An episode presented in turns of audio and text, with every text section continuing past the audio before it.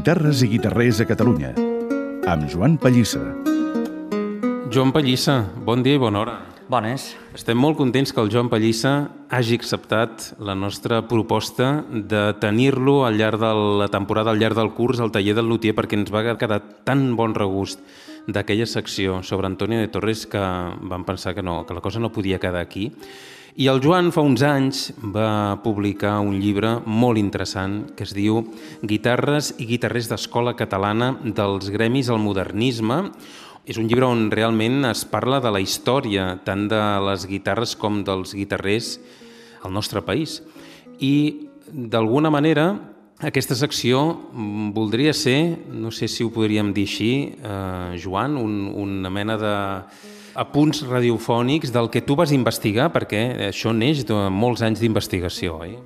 Sí, a veure, hi ha moltes hores de remenar papers, de remenar fusta, de remenar pols, en definitiva. Diguéssim que el que m'agradaria a mi és agafar algunes cosetes que apareixen al llibre i desenvolupar-les una mica aquí a la ràdio. I comencem molt enrere, comencem a l'origen, no? Perquè, aviam, aquella història de que la guitarra és un invent dels catalans, això és veritat o és una llegenda urbana? És tota la veritat que te la volgués creure. Això de que la, la guitarra és un invent dels catalans mm, no ho dic jo, sinó que, que ho diu Johannes Tinctoris l'any 1481 al seu tractat De uso e inventione musicae. És un, un llibre, un tractat sobre, sobre música, el que es descriu alguns dels instruments que Tintoris coneix i això.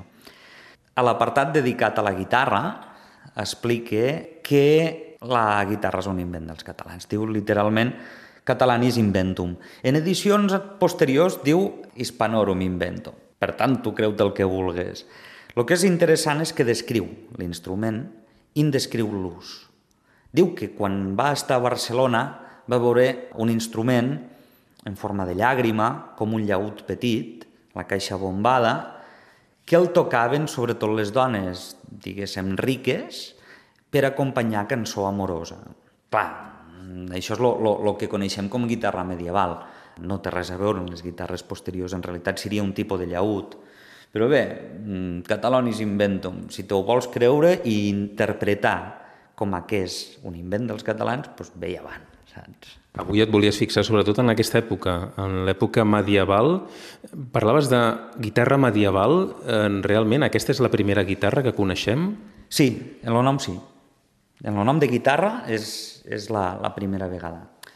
Clar, abans apareixen altres formes, apareix cítara, apareixen d'altres coses, i estic parlant sobretot en fonts documentals. Val? Uh, hi ha representacions iconogràfiques d'instruments semblants, però que coneguéssim la paraula guitarra i sobretot que la coneguéssim relacionada en, en Catalunya, estem parlant de segle XIV i XV. Abans de continuar, potser valdria la pena dir que els guitarrers no només construïm guitarres, o sigui, guitarrers, la paraula catalana equivalent a luthier o a violero, en espanyol, que vol dir constructor d'instrument de corda. No barregéssim conceptes. Si situam la guitarra en aquell temps, veiem que, que Catalunya era un lloc mm, important, era un lloc ric, com a, com a part de la corona d'Aragó, Uh, estem parlant de, de l'època de, de la gran pintura gòtica i escultura gòtica catalana, estem parlant de, de músics com Guillem de Cabestany, Guillem de Mascó, encara que fos francès, va vindre cap a Barcelona, Diguéssim que el consum artístic, per dir-ho en conceptes actuals, era molt important. I això se reflecteix a l'instrumentari, és a dir, a tota la quantitat d'instruments que es feien servir tant per música profana com religiosa. Parlaves de molts instruments. La guitarra tenia presència realment dins aquest grup? Era un instrument popular? La guitarra es feia servir molt. La guitarra es feia servir molt i cosa que ho, que ho confirma és la seva presència en molts retaules molts retaules pictòrics, normalment relacionats en, en la Mare de Déu voltada d'àngels músics, o sigui, Mares de Déu en, en l'Onen o Mares de Déu de la Llet, aquest entorn. Per exemple, hi ha un, hi ha un retaule que és preciós, un fragment d'un retaule pintat per Pere Serra, que té origen a Tortosa, però ara està al Menac, el que es veu al voltant d'una un, verge sentada en l'Onen, se veu una flauta de bec, se veu un saltiri, es veu un llaüt, un orguenet, se veu una arpa i també se veu la guitarra, un llaüt petitet. És una pintura preciosa i a més en un, en un grau de detall que ens dona molta, molta informació de com eren en realitat aquells instruments. Has parlat de representacions iconogràfiques, però no has parlat d'instruments. Entenc que no s'han conservat guitarres d'aquesta època d'aquí. Se'n conserva dos, però no són catalanes. Són instruments trobats al nord d'Europa i són un pèl posteriors. Val? Ens serveixen com a, com a referent organològic per a reconstruir una mica, però des d'un punt de vista científic no podem agafar només dos instruments allunyats quilòmetres i quilòmetres com a model per, per reconstruir el que seria la guitarra medieval catalana. No es conserven instruments d'aquí, però potser algun document que certifiqui que hi va haver guitarres més enllà de les pintures?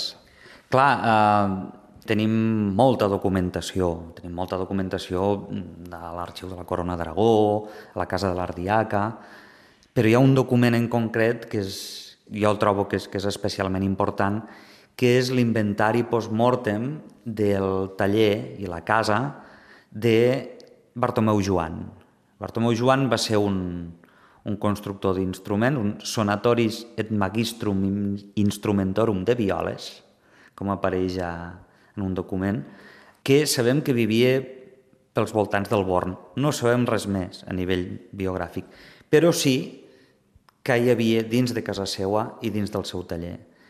I, a més, resulta que és l'inventari d'un guitarrer més antic conegut de tota Europa. És un document brutal. Hi ha una descripció exactament de tot el que hi havia. Al taller, eines, el que vulguis a casa, roba, mobles, etc etc etc.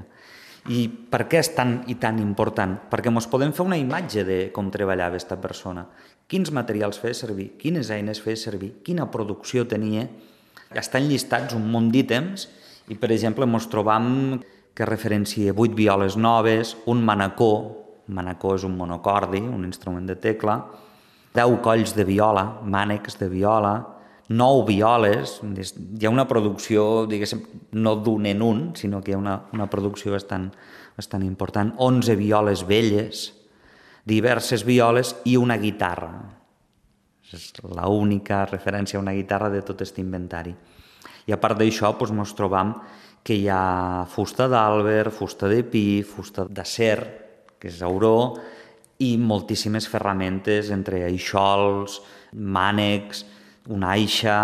O sigui, només llegint este, este inventari podem imaginar com treballava, com a mínim, un guitarrer català de finals del segle XV.